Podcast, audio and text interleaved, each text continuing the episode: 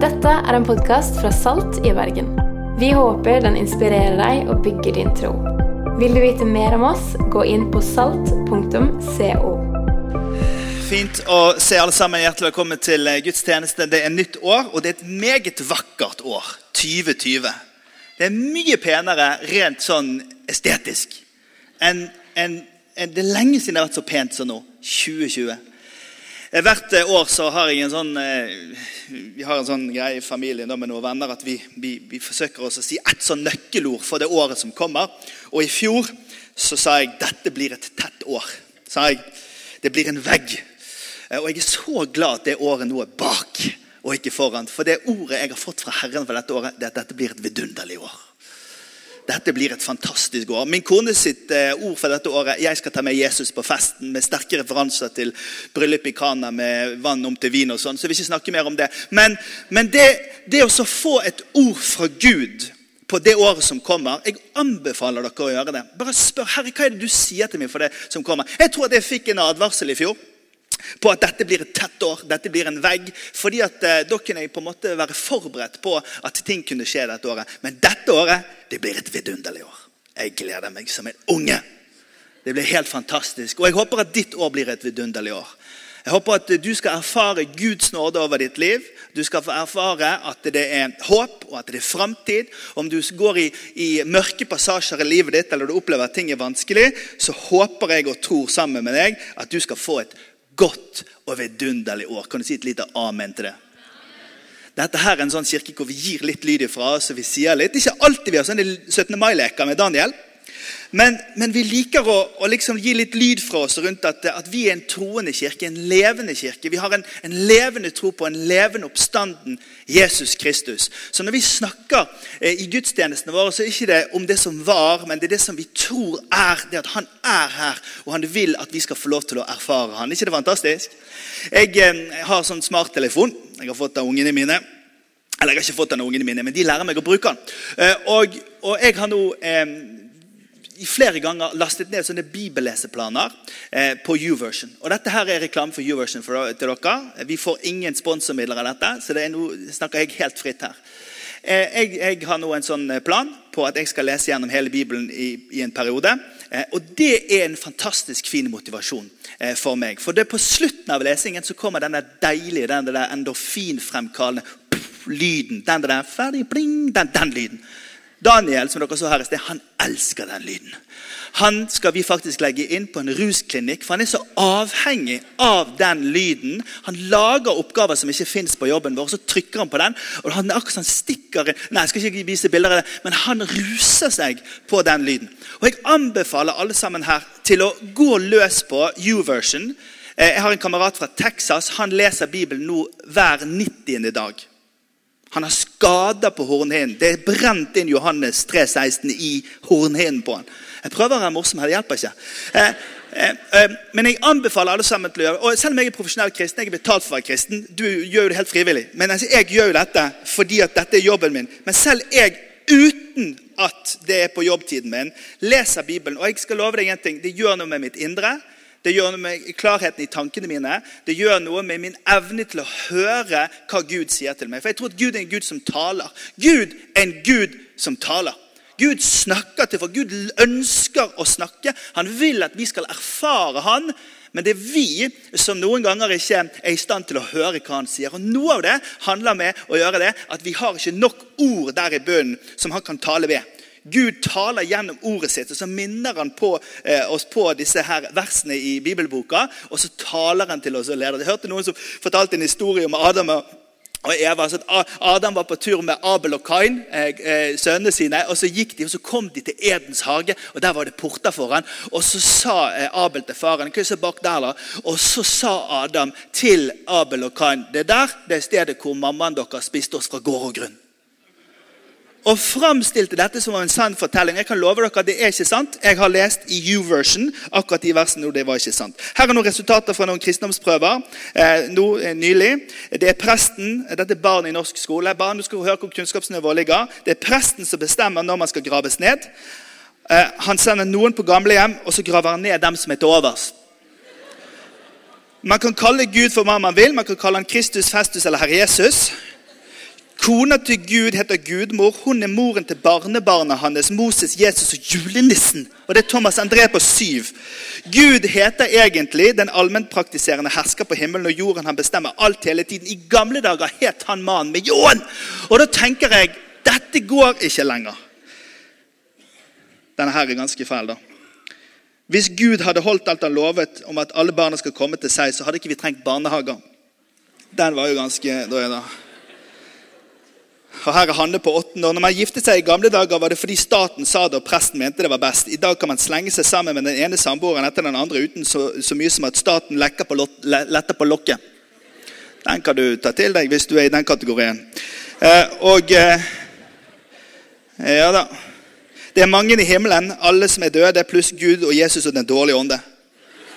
Og så er det en hellig lama der oppe. Han var egentlig en liten kamel. Han heter Dalai Lama. Jeg tror det er en engel. Dette går ikke! Så jeg har lyst til å gjøre litt reklame for YouVersion. Jeg synes du skal lage deg en bibelleseplan. Hvis du tenker det tar meg fem år å lese Bibelen, så går det greit. Men hvis du tenker det tar ett år eller 18 måneder, så gjør det. Jeg oppmuntrer deg til å gjøre nettopp det. Går det greit? Vi har et fantastisk år foran oss. 2020. Et estetisk vakkert år. Et vidunderlig år. Og Når Daniel står her i sted og sier at vi vil be sammen med deg hvis du kommer med noe inn her, så er det fordi vi mener alvor. altså. Noen kan tenke at vi bare hyper tingene, og det er høy musikk, og noen spiller piano i bakgrunnen. For ramme alvor, altså. Vi, vi, vi tar med ethvert bønneemne. Vi tar med enhvert sukk til Gud, fordi at vi er virkelige mennesker og snakker sant om Gud, og vi snakker sant om livet. Og Det er så mye styr i livene til folk. Det er veldig mange det går veldig bra for. Men i kirken vår vi har så mange som vi kjemper sammen med for, eh, mot kreft. Vi kjemper for kids, for voksne. Vi, vi kjemper sammen med eldre, vi kjemper sammen med misjonærene våre. Så selv om du kommer inn her på en gudstjeneste og tenker at dette var jo mye lyd og lys, og sånne ting, så det, ikke vær for rask til å, å dømme det du ser her. Dette er virkelige mennesker med en virkelig tro, som har en virkelig lengsel etter å se at Gud skal gripe inn og gjøre virkelig forskjell i livene våre. For når lysene her ikke er på, og, eh, og, og Kaja er her og synger, og, og, vi er ute i hverdagen vår, så er vi alle sammen bare mennesker. alle sammen. Og I den hverdagen hvor vi er mennesker, så ønsker Gud å komme nær til oss. Gud ønsker å komme til oss så at vi skal få lov til å erfare Han. Men vi lever i en del av verden som, som, som, som selv om vi skryter av at vi er sekulære og vi liksom har gjort framskrittene, at vi er ferdige med religion og vi blir litt sånn selvgode, selvrettferdige og arrogante i det, så er vi dyppet i en type religiøsitet også i den sekulære tankegangen. Og Det finner du i alle religioner verden over, også i den kristne troen. Den ideen om at det er vi som skal komme oss opp til Gud og få til livet vårt. I barndommen så lærer vi at vi skal klare oss sjøl. I ungdomsårene så lærer vi oss at vi må få oss en utdannelse så at vi skal få klare oss sjøl. I 20-årene så flytter vi hjemmefra så at vi skal klare oss sjøl. Når vi er voksen så klatrer vi på karrierestigen for at vi skal klare oss sjøl. Og du og jeg, om vi er kristne eller ikke kristne, så er det en tendens, noe dypt religiøst i oss mennesker, som gjør at vi har lyst til å klare å klatre opp over. Tidlig i bibelboka så står det en underlig fortelling om historien om Babels tårn. Og menneskene som tenkte hvis vi alle sammen har et felles språk og vi alle sammen samarbeider, så kan vi bygge oss en stige som er så høy at vi kan gå opp, og vi kan bli Gud. Og Denne der grunnleggende opplevelsen av at vi skal klare sjøl, vi kan bygge tårn til himmelen, vi skal få det til, det er noe som gjelder oss alle. Vi har i begynnelsen av dette året bestemt oss for at vi har lyst til å spørre spørsmålet. På samme måte som når du lander på Flesland, så står det Bergen spørsmålstegn. Så spør vi deg vil du erfare Gud. For Den kristne livsanskuelsen handler ikke om å klare å gå opp. Den handler om at den pilen snus. Det skal du få se om en liten stund. Men jeg vil så gjerne si til deg du som skrur opp musikken, du som skrur av flasken, du som tar de der tablettene, du som sitter våken om kvelden og lurer på om Gud fins, om det er mulig å erfare han, om det som skjedde før, kan skje igjen. Jeg har lyst til å oppmuntre deg med disse, dette spørsmålet. Vil du erfare Gud? Fordi Gud han er alltid på tilbudssiden. Gud er alltid der fordi han ønsker å nå gjennom til oss. Men det er ganske vanskelig noen ganger for oss å høre. C.S. Lewis, en ateist, professor på Oxford University, han sa jeg er den siste som noen ganger man skulle tro skulle bli omvendt. Men han opplevde han sier det selv, C.S. Lewis, han sier, jeg opplevde at Gud snek inn, seg innpå meg, og jeg ble overrasket av glede, sa han. Han, han, han betegner seg sjøl som, som, en som ble slept, sparkende, skrikende, kanskje den mest skeptiske omvendte i hele verden, sier han.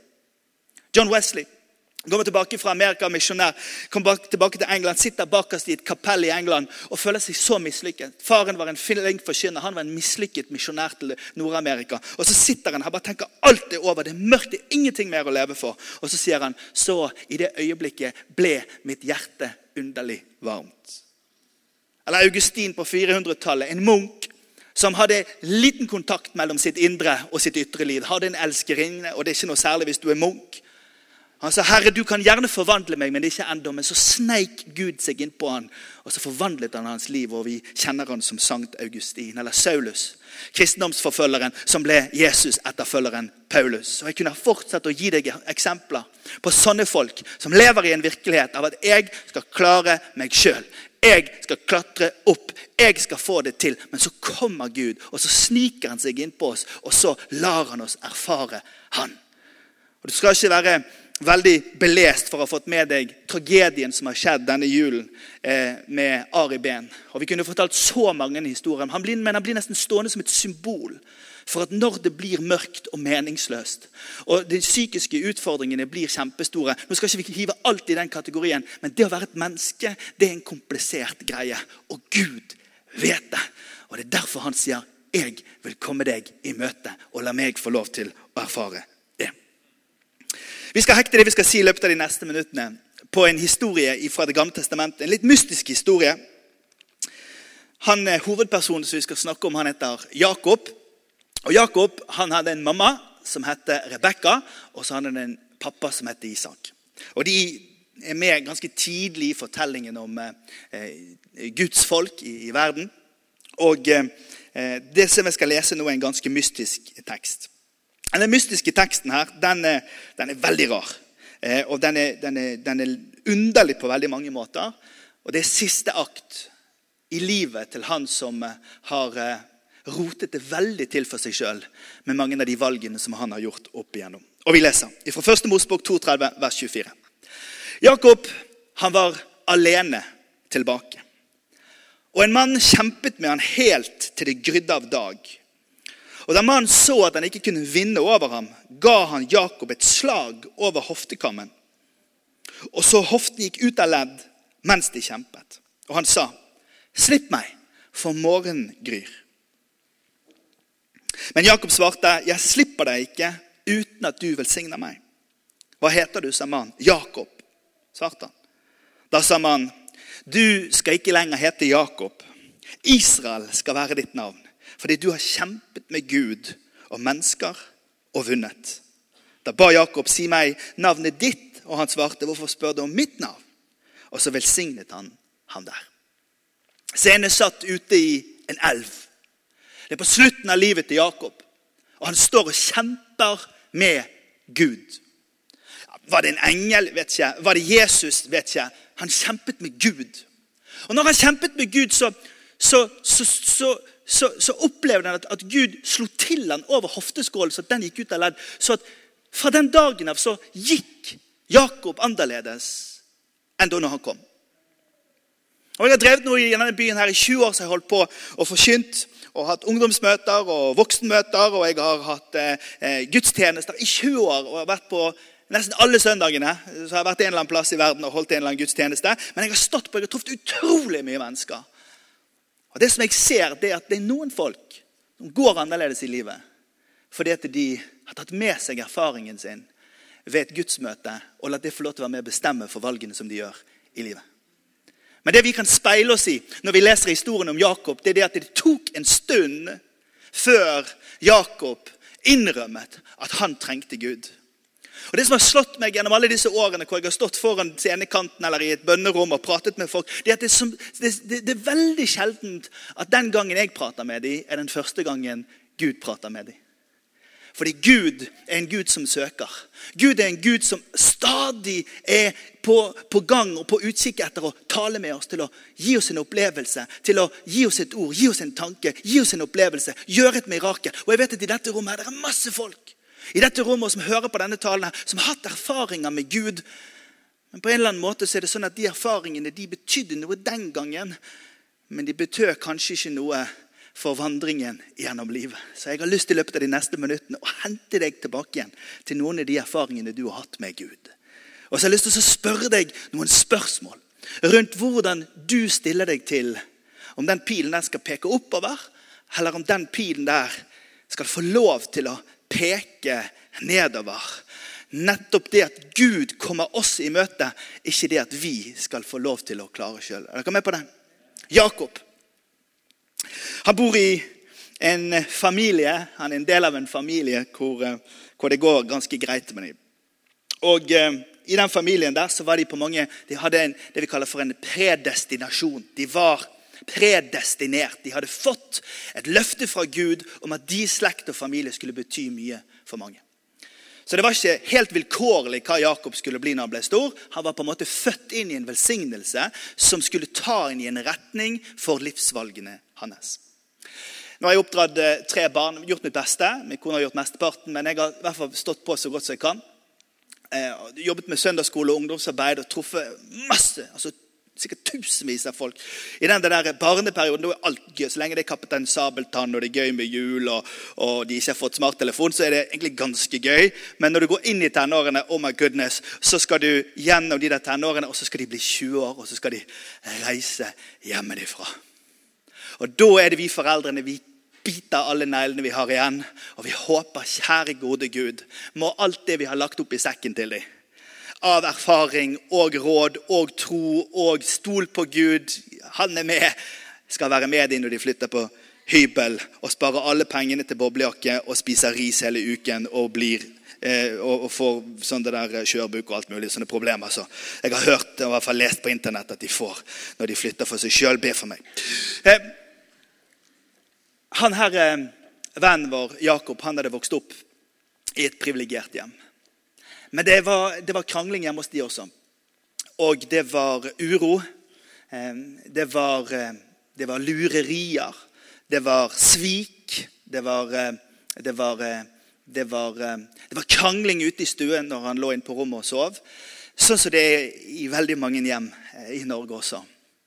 Eh, der hvor når spenningene er store og mistenkeligheten er til stede og, og kommunikasjonen er lav, så skjer det noe under det blå lyset av smarttelefonen eh, på gutte- og jenterommene.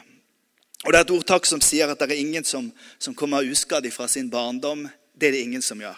Og Det fins ingen perfekte familier. Spørsmålet er bare hvor eh, setter man sin tillit? Har man fått med seg noe i ryggsekken som gjør at man kan ha tillit til at Gud kan virke med. Selv om jeg ikke alltid forstår, så stoler jeg på han. Selv om jeg ikke alltid føler rett, så stoler jeg på han. Selv om jeg ikke alltid ser klart, så vet jeg at han kommer til å lede meg. Har jeg tatt med meg den erfaringen med Gud? Jakob og Esau de er brødre. Mammaen deres hun eh, overhører at far, når han er gammel, sier at nå er jeg klar for å forlate planeten og gi fra meg velsignelsen. For det var en fordel på denne tiden å være eldst. For hvis du var eldst, så fikk du med deg førstefødtvelsignelsen. Og Esau han var en sånn Lars Monsen-type, så han fikk beskjed av faren kan ikke du gå ut i skogen og så skyte et eller annet dyr, og så lager du en ordentlig Toro viltgryte til meg, og så skal jeg velsigne deg. Og Dette hører mor, og hun tenker jeg vil ikke at han Lars Monsen skal få denne velsignelsen. Jeg vil at min sønn Jakob skal få denne velsignelsen. Så, så, så, så Esau reiser til skogs, og Jakob er igjen. Og, og, og, mor går ut på tunet. Hun slakter et, et lam, lager en sånn lammegryte. Og så gir hun denne lammegryten til sønnen Jakob, som er yngst. Og så legger hun litt saueskinn over nakken og over hendene. Og nå skal de lure Nå skal de lure gamlefar. Og så kommer dette spørsmålet. Hvem er du, sier gamlefar. Blind du ser at bare, det, bare, det stinker svik i hele scenen. Jeg er Esau, sier Jakob, din førstefødte sønn. Jeg har gjort det du sa til meg. Sett deg opp og spis av viltet mitt, så skal du få lov til å velsigne meg. Og Isak sa til sønnen, hvordan kunne du finne noe så fort, da, sønnen min, sa han. Og han svarte, Herren din Gud lot det løpe rett imot meg. Det stinker i dette hjemmet. Altså Når du kan lyge din far rett opp i ansiktet når han er blind og gammel, og involvere Gud i løgnen, da er hjertet hardt. Og det stinker av manipulasjon og svik og støy. Og Jakob, han skal klare sjøl. Du og jeg er opplært i en kultur hvor vi skal helst stole på oss sjøl. Hvor vi egentlig ikke skal være beroende på noen andre, men hvor vi skal vise evne til å klare å navigere og få til. Og så får jo helsevesenet i Norge snart uttale seg om at vi legger all den vekten på et ungt liv og finner veien videre. Men på gutterommene og på jenterommene rundt omkring i dette landet er det en enorm vekt som legges på mennesker så mens de hører på det som skjer i mediene, i skolegården, i nabolaget og ute i stuen etter de har lagt seg, så skal de finne ut hvordan skal jeg klare dette sjøl. Men Jakob han stjeler sin brors velsignelse. Og Når han hører Arctic Trucken komme inn på tunet, og Esau sleper en elgokse ut av lasteplanet og begynner å flå det, så skjønner han jeg må dra herifra. For Esau skjønner at broren har stjålet hans førstefødselsrett. Jakob, navnet betyr svikeren, manipulatoren, han som trikser og mikser. Han har gått i baret. Han sa 'Jeg skal klare sjøl'. Esau truer han på livet. Jakob løper så langt som han kan, på vei ut i usikkerhet, ut bort ifra hjemmet sitt. Moren pakker med han en niste på veien. Han bare drar av gårde. Og så er han der ute, i ørkenen, ved byen Lus, og kjenner framtidsplanene mine er gått i stykker. Hvor skal jeg gå hen? Hvem skal bry seg om meg? Hva er det som jeg har i vente? Og så taler Gud til han. Jeg er Herren din Gud din fars Abrahams og Isaks Gud. Den jorden som du ligger på, vil jeg gi deg og din ett. Din ett skal bli som støvet på jorden. Du skal bre deg ut fra vest og til øst og nord og sør. Og i deg og din ett skal alle slekter på jorden velsignes. Se, jeg skal være med deg og bevare deg overalt hvor du går, og føre deg tilbake til dette landet. Jeg skal ikke forlate deg, men jeg skal gjøre alt det jeg har lovet deg. Og så mange ganger jeg har håpet og trodd at de som har kommet til veiledningssamtale, eller de som har ringt seint på kvelden eller sendt en messengermelding, eller en av de som har truffet en som, som, de stoler på, og snakket om Gud er blitt borte, jeg tror ikke mer, så, lenge, så mange ganger har jeg håpet om at nettopp dette skal nå igjennom. Men du vet når det er alltid lyd på stereoanlegget, og når det er alltid alltid et eller annet å scrolle på, og det er alltid en eller annen episode på Netflix som skal ses, og det er alltid lyd rundt, så er det ikke alltid lett for Gud å komme igjennom. Men på gutterommene og på jenterommene og langs kjøkkenbenkene i Norge så er det fortsatt vår erfaring at Gud dukker opp og lar oss få lov til å erfare Han. I ensomheten ute i ørkenen så sier Jakob sannelig Herren er på dette stedet, og jeg visste det ikke. Så kalte han det stedet for himmelens port. Det stedet hvor han opplevde at himmelen kom nær. Og Det er dette som er fortellingen min etter 20 år med å holde på med det som jeg holder på med her, og i samtaler med mennesker. Jeg er sjelden den første folk snakker med om erfaringen deres om Gud. Det er alltid noen som skjedde i 84, og noe som skjedde i 99, og noe som skjedde i 2004, og noe som skjedde når de var 16, og noe som skjedde når de var 36. For du skjønner, Gud han gjør alt han kan for å komme gjennom og tale til oss. Men sannelig, Gud er på denne plassen. Men jeg visste jo ikke det. Og jeg hører altfor mange som sier at jeg vet ikke om jeg tror lenger. Jeg vet ikke hvor troen min er blitt av. Jeg er blitt så usikker. Og så tenker jeg ja, men skru ned lyden, da. Skru av Netflixen, da. Legg bort den boken og ta opp den andre boken. Sannelig, Gud er på denne plassen. Jeg visste det ikke. Mange hundre år etterpå så er Jesus her. Og Jesus han går rundt og, og ber folk om å følge etter seg. Og Da skjer det noe veldig interessant, som er en tekst som henter opp igjen erfaringen med Jakob der ute i Betel, himmelens port. Eh, og Det er parallellen til den jeg har lyst til å stanse ved i noen få minutter. Fordi at Jesus han går rundt og ber folk om å følge seg, og så eh, skjer dette. Johannes 1, 48. Hvor kjenner du meg fra? spurte Nathanael. Og Jesus svarte, jeg så deg før Philip ropte på deg, da du satt under fikentreet. Da sa Nathanael, rabbi, du er Guds sønn, du er Israels konge. Tror du? For det sa jeg så deg under fikentreet, sa Jesus. du, du skal få se større ting enn dette. Så sa han, sannelig, sannelig, jeg sier deg, du skal få se himmelen åpnet, og Guds engler gå opp og gå ned over en fast adresse. Og den faste adressen, det er menneskesønnen som er Jesus. For du vet, i RLE-timen og i filosofien og i alle verdens religioner og ideologier så finnes det veldig mange adresser til et evig liv og til et godt liv og til et lykkelig liv eller forklaringen på livets gåter og myter. Men alle adressene de blir til slutt så mange at veldig mange i den generasjonen som i dag vokser opp, føler at det finnes så mange veier at jeg ikke aner hvilken vei jeg skal velge.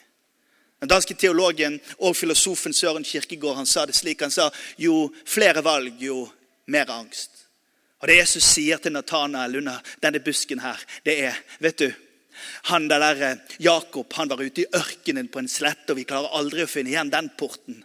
Men nå fins det én port, og den porten den er Jesus Kristus.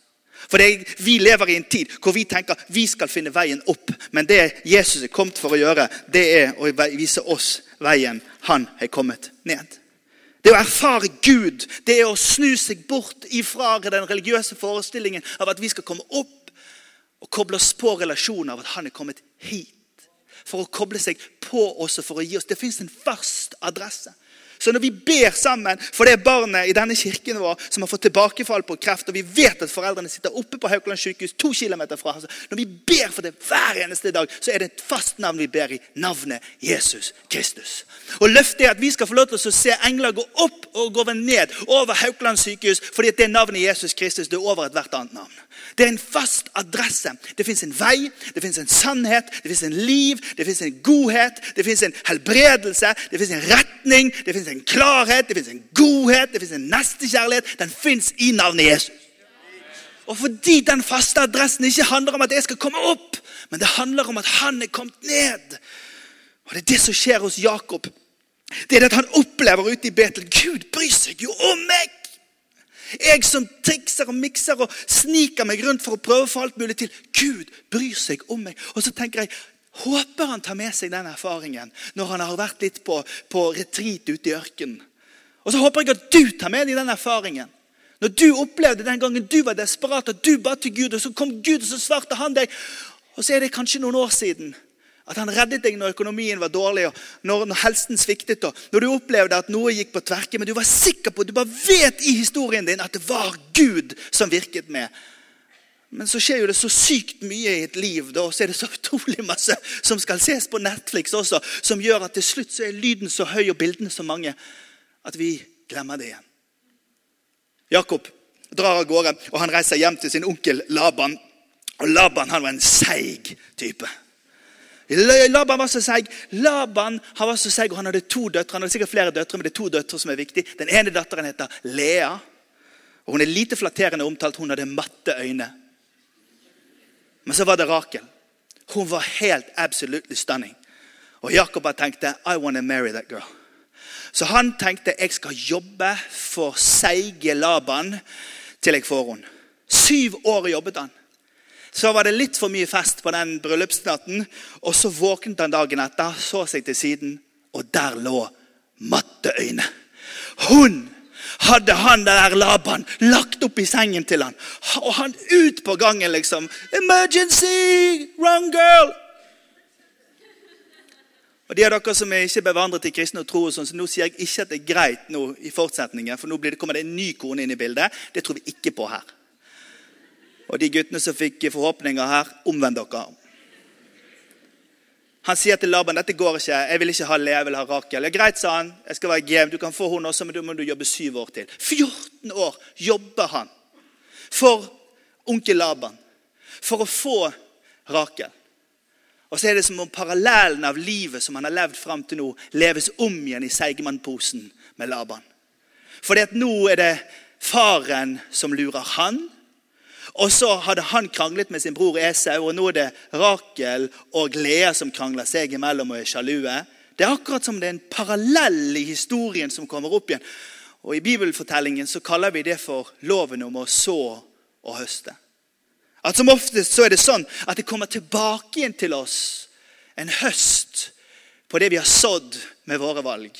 Han som sa 'sannelig Gud er på denne plassen'. Gud som aldri skal slippe meg. Dette kommer til å gå veldig bra. Men vet du, han kom ikke lenger enn til onkel Laban før han snudde denne og bestemte seg for at han skulle klare det sjøl.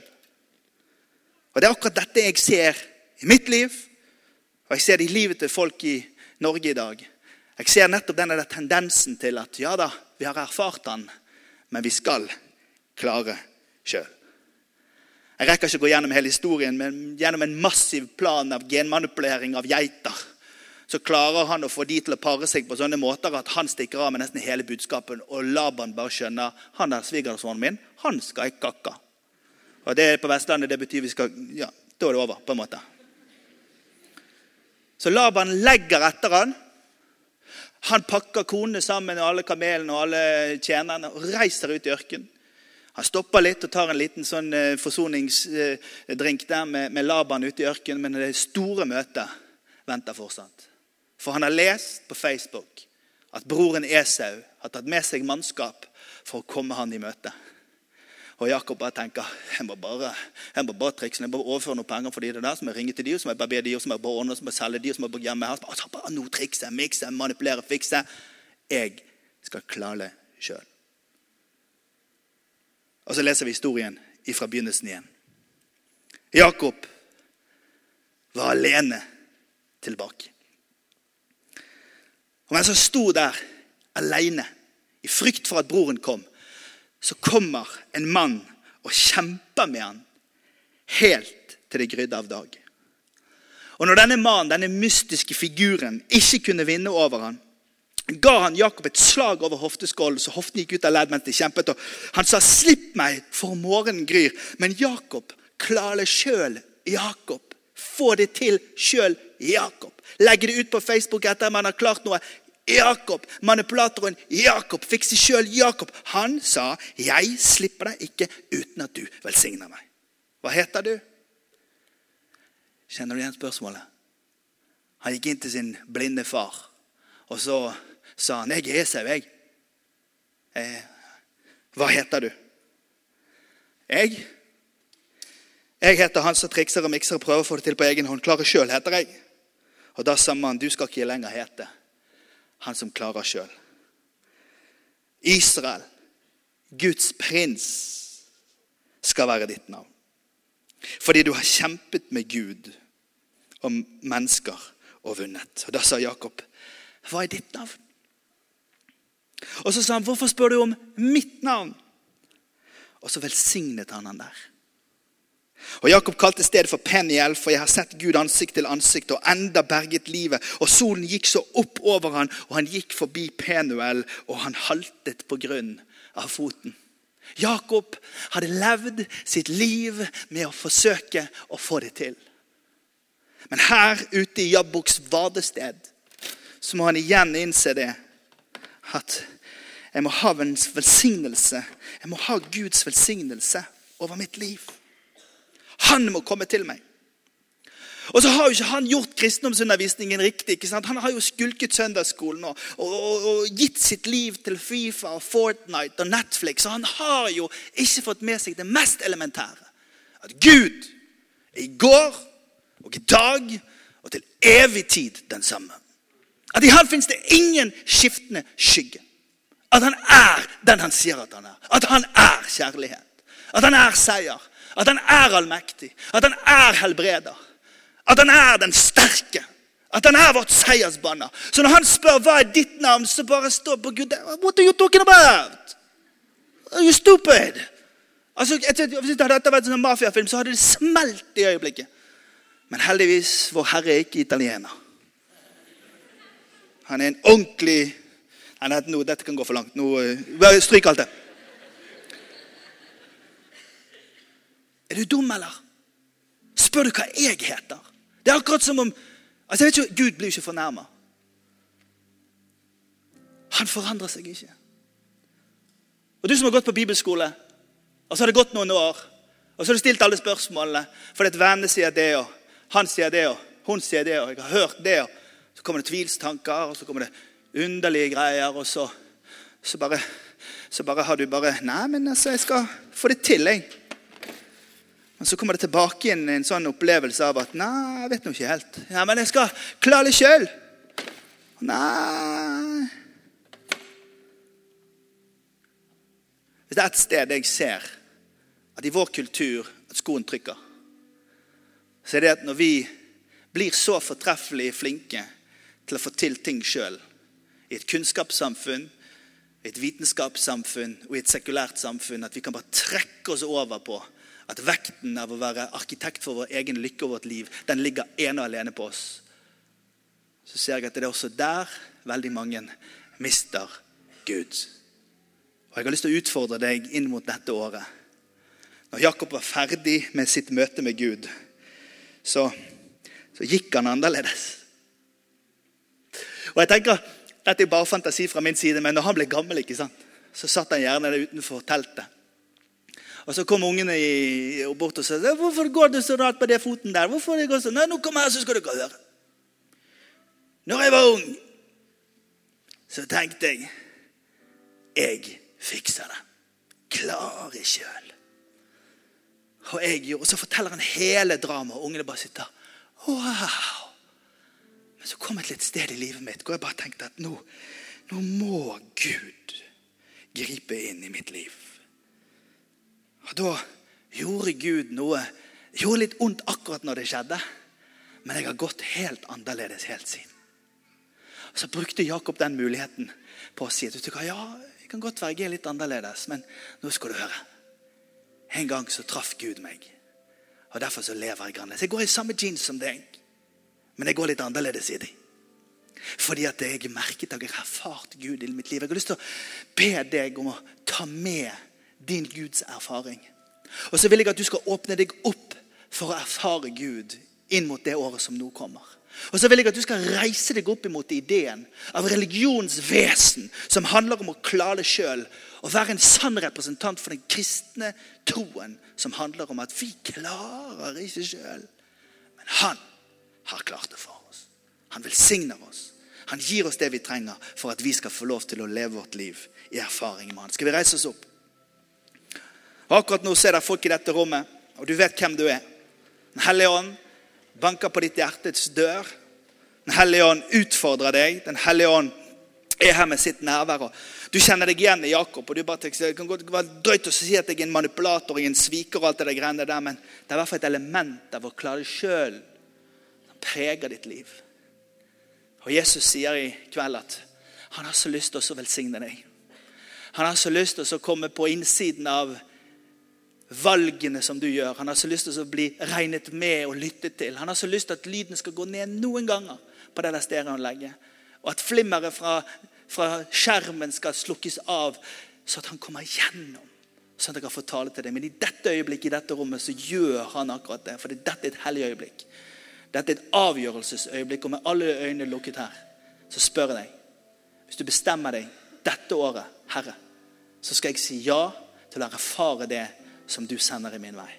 Jeg vil åpne meg opp for å være en sånn en som sier, Herre, la meg få gå med deg. La meg få velge slik som du har bedt meg om å velge. La meg få lov til å gå på den veien du har kalt meg til å gå på. Sannelig, Gud er interessert i ditt liv selv om du ikke visste det. Hvis du sier ja til det, så kan du løfte opp en hånd til Herren skal be en velsignelsesbønn over ditt liv akkurat nå. Om at dine ører skal klarnes, at din tanke skal bli, bli klar, at ditt hjerte skal være åpent. Bare løft din hånd opp til Jesus. Hvis du sier 220, det skal være et 2020-visjonsår. Det skal være et erfare Gud-år. Det skal være Herre, jeg regner deg med dette året. Bare løft din hånd opp til Herren. Herre, priser deg og takker deg for unge mennesker, Herre, for voksne mennesker i Bergen by, Herre, som i 2020 bare vet at de vet at de vet vet at den kristne troen ikke handler om å klare å komme opp, men det handler om å åpne opp for at du skal komme til oss. Herre, jeg ber om tankebygninger som har reist deg mot kunnskapen om Gud. Jeg ber om ideer av vantro, av tvil, av, av, av ting som har av forkastelse, og at himmelen er stengt, og at himmelen er som jern.